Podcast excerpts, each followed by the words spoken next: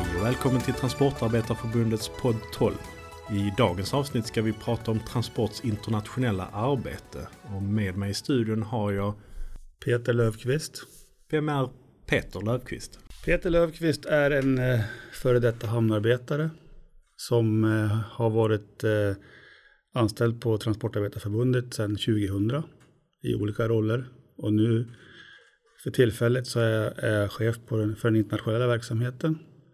Innan jag kom till förbundet och som jag sa så var jag hamnarbetare i Gävle på Gävle stuveri under 13 år.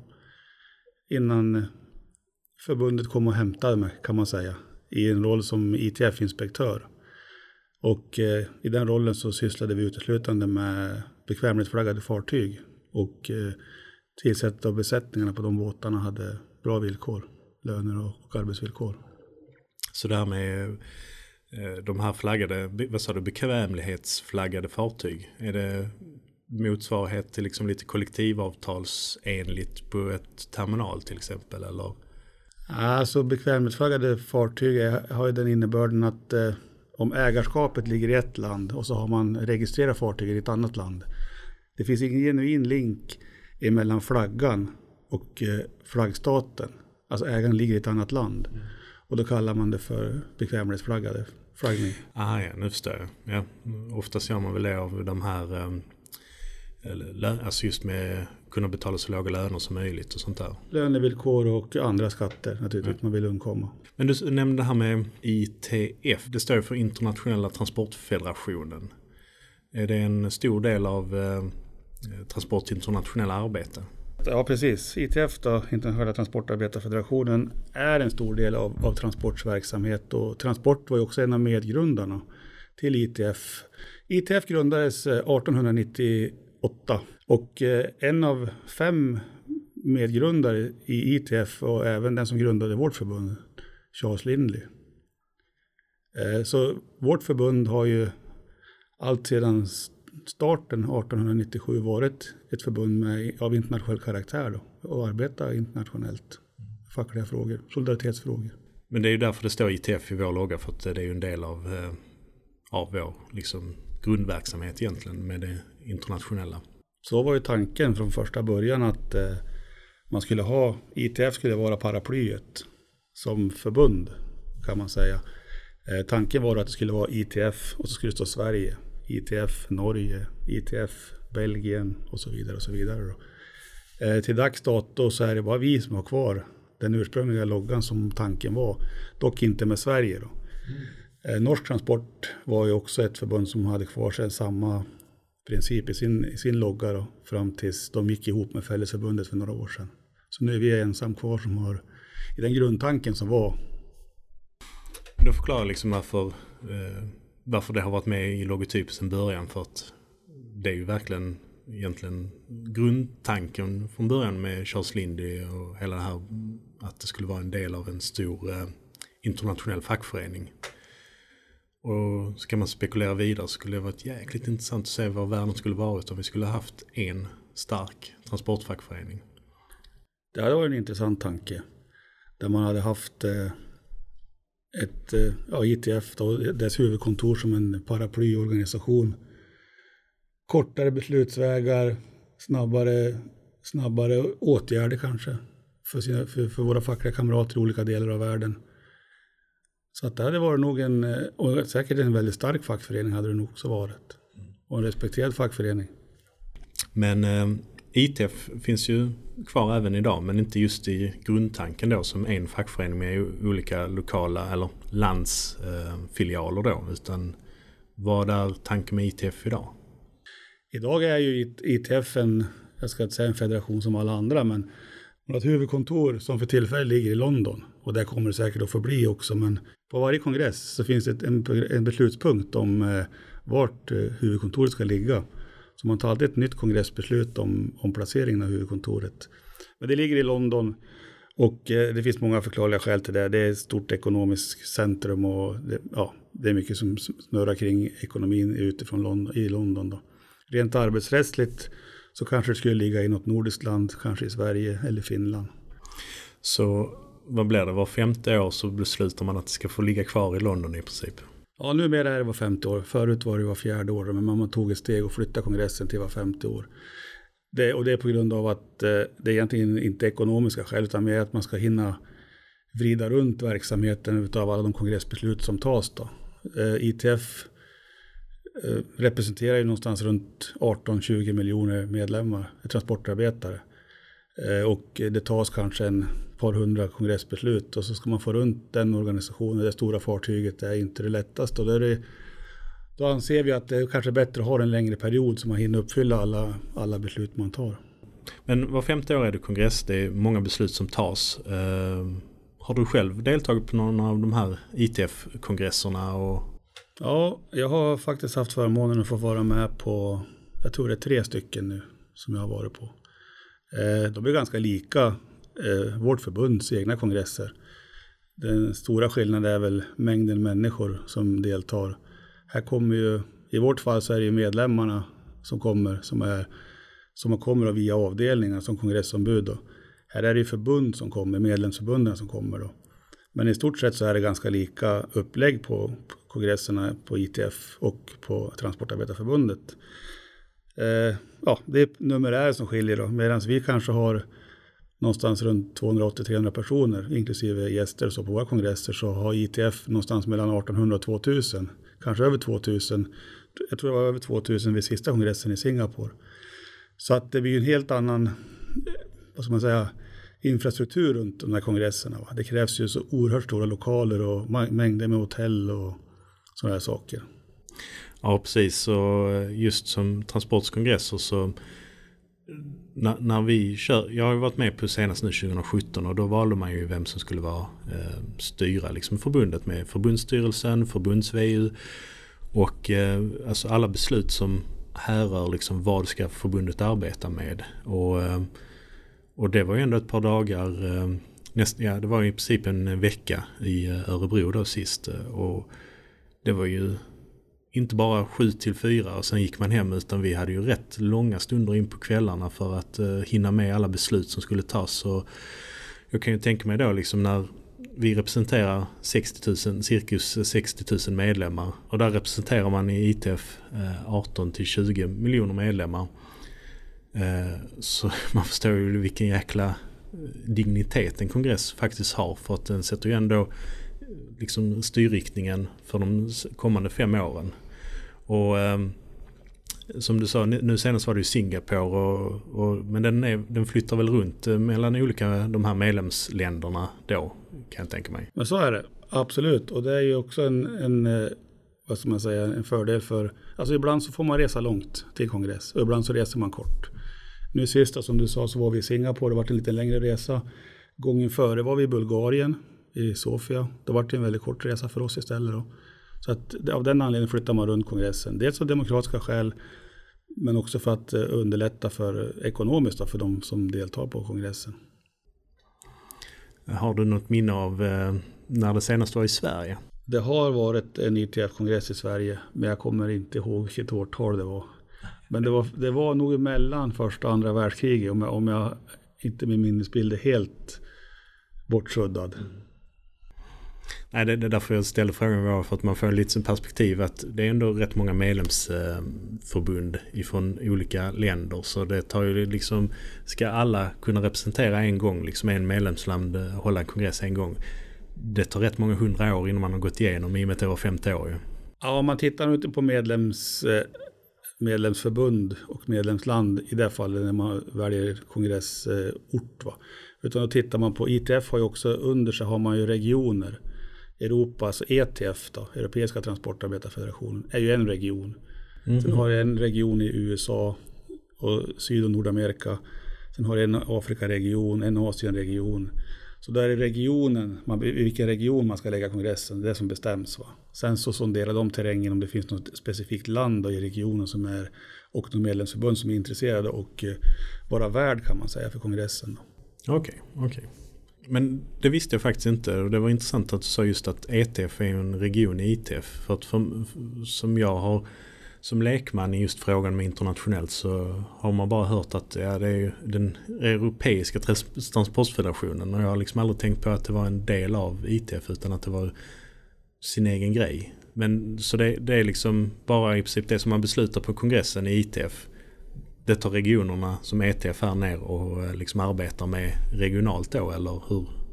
Normalt sett så funkar det så, ja. Men i det här fallet ETF är lite speciell för ETF är, är sprungen ur en annan Europafederation, FST, som den hette tidigare. Och den var inte en del av ITF-struktur. Men det hände lite olika saker där så att man bildade ETF för ett 20-tal år sedan och då vart det en del av ITF och Europa delen av ITF så att säga. Eh, så ITF har fortfarande egna stadgar och egen kongress och egen medlemsavgift. Då. Så på det viset eh, är de lite starkare än de övriga regionerna i ITF. Mm. Mm-hmm. Ja, och det är väl tur att vi har det för i och med att Europa och liksom EU är en väldigt stark maktfaktor på eh, arbets, alltså arbetsrättsligt. Och ja, givetvis alla lagar i, i, ett land inom EU. Men, Ehm, så därför kan jag tänka mig att eh, ha ett starkt eh, Europafack då är egentligen väsentligt att vi ska kunna få igenom. Som ehm, förra året så klubbades ju igen det här med, ehm, vi kommer ju till att snacka detta i nästa podd eh, också med ordning och reda, men det här som hette mobilitetspaketet. Egentligen mycket tack vare att vi hade ett starkt Europafack som kunde mobilisera i länder så att vi kunde lobba för att varför poängen med att få struktur i cabotagetrafiken. Det där är ett praktexempel. Nu skulle jag också säga det att eh, mobilitetspaketet är ju inte riktigt implementerat än. Nej. Det ska ju vara implementerat till 1 eh, februari 2022. Då. Och som du nämnde så kommer det i nästa podd med ordning och reda. Men redan nu så har ju några länder börjat satsa på tvären mot det här. Jag tror att det är sju länder som har gått till EG-domstolen och vill få beslutet upphävt eller förändrat på ett eller annat sätt. Men det här visar ändå att eh, den internationella fackliga verksamheten är viktig. Att man då ändå fram tills nu åtminstone har fått igenom ett beslut som ska reglera hur åkeritrafik, eller hur åkerinäringen, eller framförallt chaufförernas villkor ska jag vilja säga, hur det ska regleras när man kör i annat land än sitt eget land. Alltså internationella transporter eller vid cabotagetransporter. Och det visar ändå på att hur viktigt det är med internationellt fackligt arbete. För utan det här då har vi haft som, som det är idag då. Där man i förvisso har cabotageregler men man har ingen riktig egentligen kontroll kring hur, hur, hur det fungerar. Och det visar också den cabotagestudie som, som, som eh, presenterades här i, för två veckor sedan tror jag det var, utav professor Sternberg från Iowa State University. Där hittar vi faktiskt ett, ett utländskt registrerat fordon, en lastbil, har varit i Sverige i åtta år. Och så vitt vi har kunnat se inte lämnat Sverige på åtta år. Alltså du får göra tre, tre leveranser på tio dagar. Tre leveranser på tio dagar, sen ska du liksom ut till nästa land eller tillbaka eller hem. Sju dagar kanske. Den frågan får vi på ordning och reda sen. Den får du ta senare på ordning och reda. Men framförallt så visar det ändå hur, hur viktigt det internationella fackliga arbetet är. Då. Och som du var inne på, ITF och ETF. Då.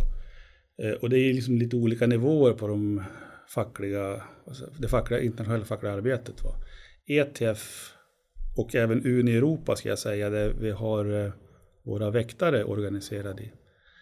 I, i Transportfederationen så är ju, ja det låter ju nästan på namnet, det är lastbilschaufförer, det är terminalarbetare, det är eh, egentligen allting utom väktare och renhållare som vi har organiserade där då. Väktarna har vi i Uni som jag sa och sen har vi renhållarna är organiserade i, i PSI och EPSU som det heter på Europa nivå. Då.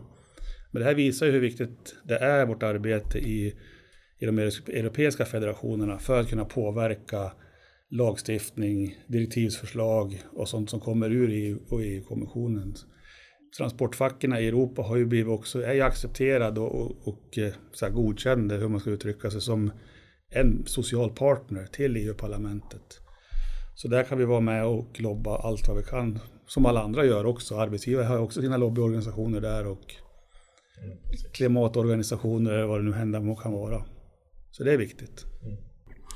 Ja precis, för att eh, i och med att det är så pass mycket lagar. Ehm, man brukar säga att runt 70% av alla beslut som tas i en kommun är direkt påverkade av direktiv och förordningar från EU. Och, ehm, och vi inom fackföreningar att kunna liksom se till så att våra medlemmar får en dräglig arbetsmiljö, arbetsvillkor.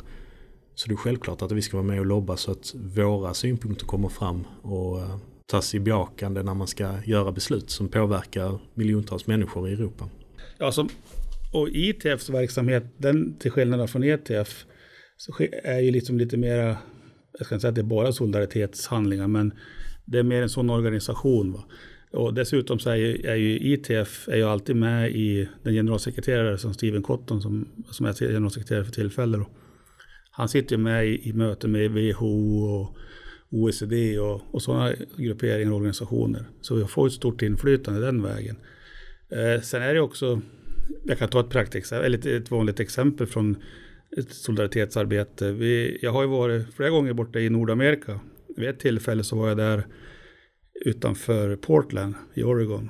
Eh, deras ordförande i ILWU som Hamnarbetarförbundet heter, eller de som representerar hamnarbetarna i, på västkusten i USA, hade blivit ställd inför rätta för att ha stoppat ett tåg inne på ett hamnområde.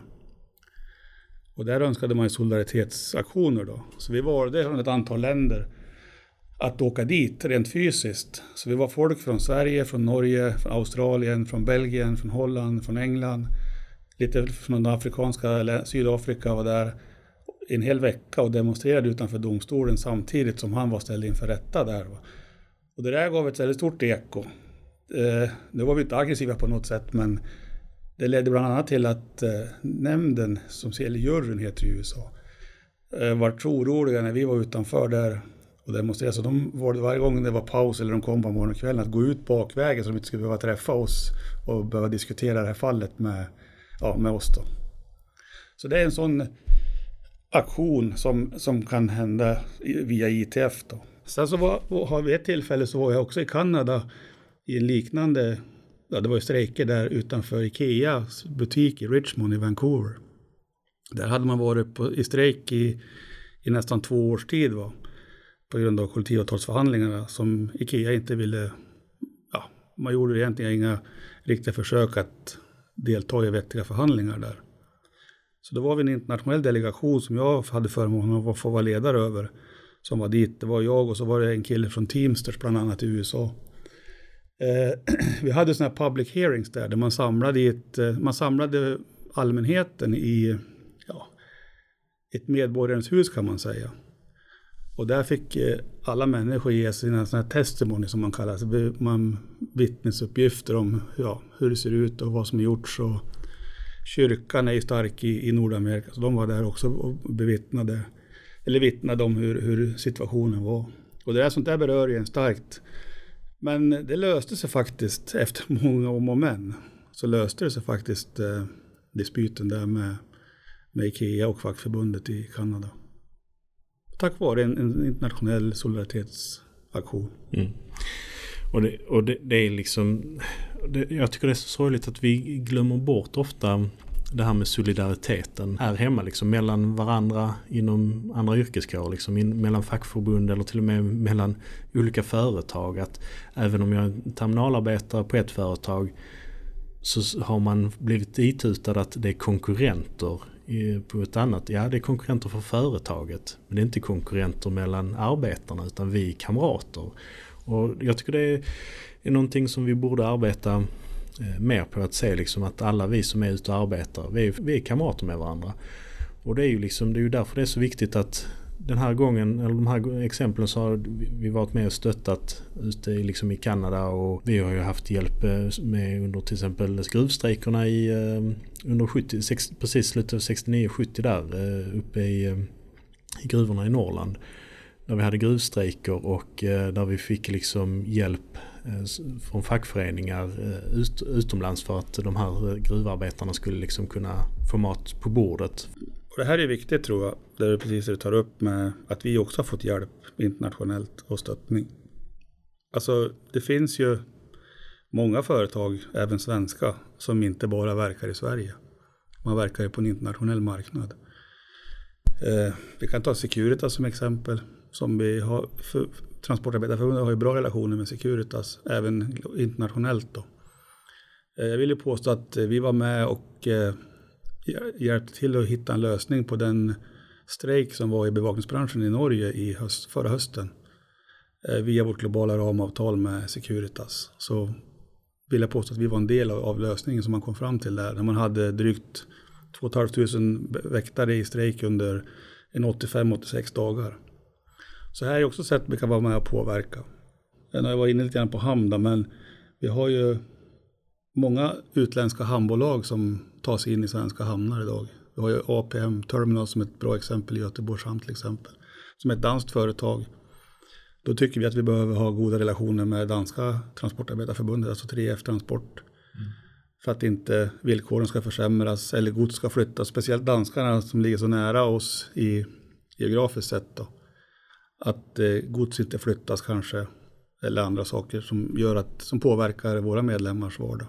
Eh, du, du, nämnde lite om Uni här. Så vi har snackat om ITF som är transportsektorn då. Sen Uni som är väkteriet. Har vi, är vi medlemmar i några fler federationer? Än, eh, ja, vi är med i PSI också. Ja, ja precis. Och EPSU då. Och det är, för, det är de kommunalanställda kan man säga. De statligt och kommunala anställda. Och där har vi våra renhållare då. Mm. Som, som, där har vi vårt medlemskap för dem då. Vi har ju några federationer till som vi inte har berört. Vi har ju några nordiska federationer. Eh, vi är också medlemmar i något som heter NTF, Nordiska transportarbetarfederationen. Som inte är en formell del av ITF och, och ETF som region. Då. Vi är ingen subregion i NTF till den strukturen utan en autonom förening. Som också bildades eh, av Charles Lindley i början på 1900-talet. 1908 tror jag är det officiella startåret. Eh, I Helsingborg startade man den, den federationen. Eh, där har jag för övrigt också jobbat på NTF under sju års tid som generalsekreterare där. Eh, där har man ju sina statuter, sina stadgar. Så finns det en klausul om, om sympatiåtgärder. Så att eh, om man är medlem, i, en organisation är medlem i NTF så, och ett, man har problem, eh, man hamnar kanske i en, i en strejksituation vid kollektivavtalsförhandlingar. Eller man kan inte teckna avtal med ett visst företag då kan man vända sig till NTF och därigenom få ett okej okay med sympatiåtgärder från andra nordiska länderna som är medlemmar i NTF. Det där är ganska unikt. Jag tror att det är den enda federationen i världen som har strejk och sympati stad, stad, stadgereglerat i sina stadgar. Vi har också en organisation som heter SUN som är, en, är för väktarna då, i Norden. Där ska vi ha kongress nu, en digital kongress i augusti. Och där har förbundet skickat in en motion om att ändra deras stadgar som ska vara likalydande som NTFs vad det gäller sympatistrejker och strejker då, mellan organisationerna i federationen. Fan vad läckert att, eh, att man skriver in att man ska ha solidaritet. Mm. Det skulle vi haft mellan, inom LO också mer i Sverige än vad det ser ut idag med LAS-frågan. Men det är en helt annan diskussion hur det ser ut. kommer nog en poddavsnitt om eh, detaljerna med det sen. Inom det internationella arbetet i transport så vet jag också att eh, vi har eh, håller på med lite biståndsverksamhet också. Eh, vill du utveckla vad, vad är det här för biståndsprojekt och vad har vi hållit på med det? Och, ja. ja, alltså förbundet är ju engagerad i för tillfället fyra olika biståndsprojekt. Eh, Utvecklingsprojekt där man tar sikte på att organisera fackligt, alltså med fackförbund och hjälpa fackförbund i olika delar av världen att öka sin organisationsgrad och få lite bättre ordning på sin infrastruktur vad det gäller administration och sånt där på kontoret och så. Vi har ju två projekt, eller ett projekt där som spänner över två länder i Latinamerika. Det är Peru och Colombia. Där vi organiserar, är med och hjälper till att organisera medlemmar i bevakningsbranschen. Då. Eh, sen har vi, och det är sånt som vi kallar multilaterala projekt. Eh, Uni då, som jag nämnde tidigare, där väktarna är organiserade internationellt, är vår partner ihop med de lokala facken i Peru och eh, Colombia. Sen har vi två stycken, eller har vi ett, ett eh, bilateralt där vi själva är enda partnern då, så att säga med, i Malawi. Med ett förbund som heter TGL SSWU Eh, som också är ett eh, utvecklingsprojekt för att organisera väktare i Malawi. Sen har vi ett fjärde projekt ihop med ITF i Palestina som eh, tar sikte på chaufförer av alla de sorter, alltså taxichaufförer, lastbilschaufförer och busschaufförer. Eh, det här görs genom en svensk organisation som heter Union to Union som ägs av de tre fackliga centralorganisationerna, LO, TCO och SACO. En stor del av biståndspengarna, projektpengarna, kommer via staten och Sida. Då. Eh, man har ju som egeninsats i de här projekten, det beror på om det är bilateralt eller multilateralt, men så är det 5 eller 10 procent av totala projektbudgeten som förbundet själva går in med. Så vi satsar väl någonstans runt 300-400 000 kronor per år i biståndsprojekten. Då. Vi kan ta Malawi som exempel. När vi kom in där så var väl num alltså numerären hos eh, bland väktarna som var fackligt engagerade, eller fackliga medlemmar, var någonstans runt 2 500-3 tusen. Idag är man uppe i strax över 10 000. Så det har gett bra avtryck och det här är ju också en form av solidaritetsarbete. Eh, vi är ju ofta i, i ja, biståndsarbete bedrivs ju uteslutande i utvecklingsländer. Och speciellt Malawi som är ett ohyggligt och extremt fattigt land. Eh, man kan säga att det, där så går lönen enkom till att överleva. Alltså om en tredjedel av lönen går till hyra, en tredjedel av lönen går till en sån eh, majsäck och en tredjedel går till att köpa kol för att värma huset och koka maten. Sen är lönen slut. Va? Så att det här är viktigt för oss eh, och vi försöker också på lite olika sätt i Malawi via deras central, fackliga centralorganisation och även det politiska partiet, ja, motsvarande Socialdemokraterna kan man säga kanske i Sverige. Att få till andra förändringar med, på arbetsmarknaden va, för att hjälpa till och få ett dräglig, drägligare liv för TGLSWs medlemmar. Och, eh, nu är det inget svenskt bevakningsbolag som, som är i Malawi då, men det finns ett annat välkänt som har funnits i Sverige som inte finns längre, men G4S är där. Ja, de har vi också, likt Securitas har vi ganska bra relationer med, med G4X och, G4S också globalt. Då. Så att det, det, förbundet tycker att det här är ett viktigt arbete och hjälpa våra kollegor i utsatta områden. Mm. Nej, och det håller jag fullständigt med i. Liksom att eh, det är klart att vi ska se till att eh, kunna hjälpa till att bygga upp eh, facklig verksamhet så att det blir en naturlig del av alla länder i världen. Låg en lön på, vad, vad sa du i Malawi? 15 000? Kva, Malawi kvartsa. Mm. Så en medellön i Malawi är 150, eller en väktarlön i Malawi är 154 svenska kronor i månaden. Ungefär ja. ja. ja. då förstår man liksom att uh, varje liten öre de får extra hjälper dem väldigt mycket. Vad det gäller Malawi-projektet så kommer det ta slut i och med årsskiftet, det kommande årsskiftet. Då. Men när den ans nya ansökningsperioden från Sida kommer ut från och med 2023 då, så har vi i alla fall några funderingar på om man ska göra ett nytt projekt i Malawi, men då rikta in sig på kvinnor och unga. Eh, kvinnor och unga består nog ungefär till 50 procent av branschen i Malawi. Och eh, vi, ty vi tycker oss se att det finns ett behov av att organisera även kvinnorna och ungdomarna i, i de där länderna. Nu ska jag säga också att det, det förbundet vi samarbetar med, som jag har nämnt flera gånger, de är väldigt bra.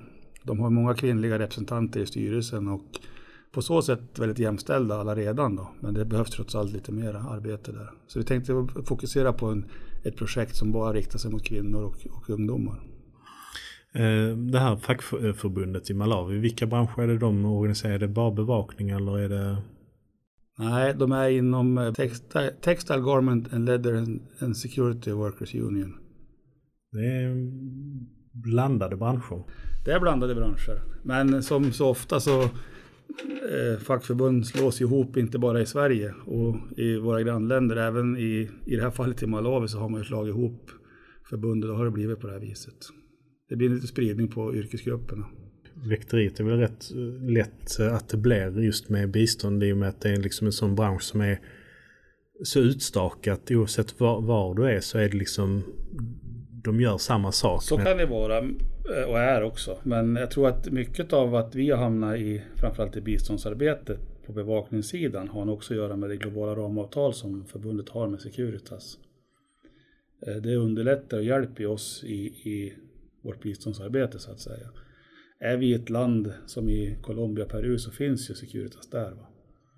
Och ser vi att det, är, att det inte funkar enligt nationella arbetsmarknadslagar eller, eller annat, eller minimilönsnivåer eller kollektivavtalslönsnivåer, så kan vi faktiskt resa de här frågorna, ta upp de här frågorna i de implementeringsmöten vi har med Securitas-koncernen. Som Så vi har, vi har dem två gånger per år.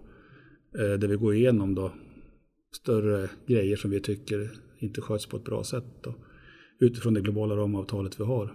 Det underlättar ju naturligtvis biståndsarbetet och det kan ju ligga en del i att det har blivit mycket biståndsarbete runt eh, väkteribranschen, bevakningsbranschen. Alltså det man kan tillägga är att, att företagen känns, känner ju inga nationalgränser längre. Utan de finns ju där de tycker att de kan tjäna pengar och där de behöver finnas för att tjäna pengar. Mm. Och det kan inte vara så att, det kan inte vara så att eh, fackförbunden ska hålla sig inom nationalgränserna strikt enkom bara. För då blir vi omkörd alla dagar i veckan. Så vi behöver ju också finnas över landsgränserna när, när företagen försvinner över landsgränserna. Mm. Helt klart. Det som är närmst annat, om vi säger inte bara att svenska företag är utomlands utan när utländska företag kommer till Sverige som Amazon är en sån jättestor jätte som totalt skiter i eh, fackföreningar runt om i världen. Så är det ju. Och eh, just specifikt Amazon är ju är väl alla fackförbunds, eh, på alla fackförbunds läppar, jag vilja påstå idag. Så de står och knackar på dörren även till Sverige och Norden. Eh, de lanserade ju en, en hemsida förra året här i Sverige, Amazon.se. Nu är det ju inte Amazon själva som, som driftar den, det, det lagret då, utan det är Kühne Nagel. Så vi redan hade kollektivavtal med. Och det fungerar ju som, det fungerar varken bättre eller sämre än på någon annan terminal i lager i Sverige som vi har avtal med. Va? Men jag tror att, det här är min personliga uppfattning, jag tror att Amazon provar Sverige och den nordiska arbetsmarknaden genom att skicka in en, en tredjeparts, tredjepartsföretag va? för att se hur det fungerar. Alltså hur starka fackförbunden är i, i Sverige och kanske i Norden. Visar det sig att de är för starka för Amazons tycke så kanske man stannar kvar med det upplägget man har nu. Ser man att man kan göra en inbrytning, ja då kommer de att göra det. Och de kan tjäna ännu mer pengar naturligtvis. Så det, och det är inte bara Amazon, det finns en massa andra företag. Det har ju Flipchart och Alibaba och Zalando och allt vad de heter. Och alla är likadana. Så att där måste vi verkligen vara på tårna och här tror jag att eh, det krävs eh, gränsöverskridande arbete. Dels mellan facken i Sverige men också facken i Norden, facken i Europa och facken globalt. Man säger ju att Amazon är ju rent, alltså har ingenting till övers för fackföreningsrörelsen, milt uttryckt. Och att det finns inga kollektivavtal. Det finns faktiskt ett förbund som har lyckats, eller en yrkesgrupp som har lyckats. Och det är piloterna i USA. Som flyger åt deras eh, gods då, deras varor. De har faktiskt kollektivavtal, men det är bara för piloterna. Mm. Alltså Amazon i sig själv är ju ett, ett eh, fenomen man ska också ha klart för sig att Amazon är mycket mer bara en terminal eller, lag, eller fulfillment center som man kallar det själv inom koncernen. Eh, de är ju inom, inom sjukvård, de är inom filmindustrin, de är inom restaurangindustrin. Jag har själv bevittnat en eh, Amazon to go, tror jag de kallar det för, i USA, i Chicago. Där man går in som en, ungefär som en 7-Eleven butik. Men du går bara in och plockar på hyllorna så går du bara rätt ut. Då har du först registrerat ditt kort där någonstans. Och hur det där fungerar exakt vet jag inte. Men du kommer in på affären, du bara plockar varor på hyllorna och så går du bara rakt ut igenom. Du passerar ungefär som på en flygplats, en sån security gate, en sån säkerhetsgrind. Eh, då. Och där registreras det och dras på ditt kort bara, så går du bara rakt ut. Och det finns ju på ett antal ställen i, i, i USA där och det kommer säkert att spridas också. Och Amazon är så ohyggligt, har så ohyggligt med pengar så de kan ju betala sina egna investeringar, alltså där de bygger upp framåt. Va? Det betalar de själva i egen kassa. Alltså de har så fruktansvärt med pengar. Och nu kommer vi in på det här som gig, gigarbetare och plattformsarbetare och sånt här. Va? Där, där måste ju också, och då har vi också facken en, en del att göra, att vi måste tillse att inte bara i Sverige och Norden utan även i Europa, att man får fram en lagstiftning som gör att man har ett anställningsförhållande. Det kan inte vara så att man är egenanställd och egenföretagare eller vad man nu kallar det. Och sen är man helt styrd av ett företag i alla fall. Som det är nu då. Och man, ska, man blir skyldig att betala skatter och sociala avgifter själva när man inte vet hur man ska göra. Det är ofta migrantarbetare som inte kan språket speciellt bra. Eh, jag kan förstå om man är student och vill eh, jobba som gigarbetare, plattformsarbetare, och köra ut lite mat kanske på, på lördag och söndag för att tjäna lite extra under studietiden. Men det är ingenting som man kan livnära sig på i långa loppet om man inte har ett vettigt anställningsförhållande till, till det bolaget man egentligen arbetar för. Och det, det inkluderar också arbetsmiljöfrågor och så vidare. Så här har vi ett mycket stort arbete att göra. Framförallt tror jag på Europanivå att vi får en enhetlig lagstiftning i, inom hela EU. Ja, och för att få det så måste vi ju engagera oss internationellt. Precis. Då eh, tackar jag dig Peter för att du tog dig tid att vara med i podden. Tack så mycket, det var roligt att vara här.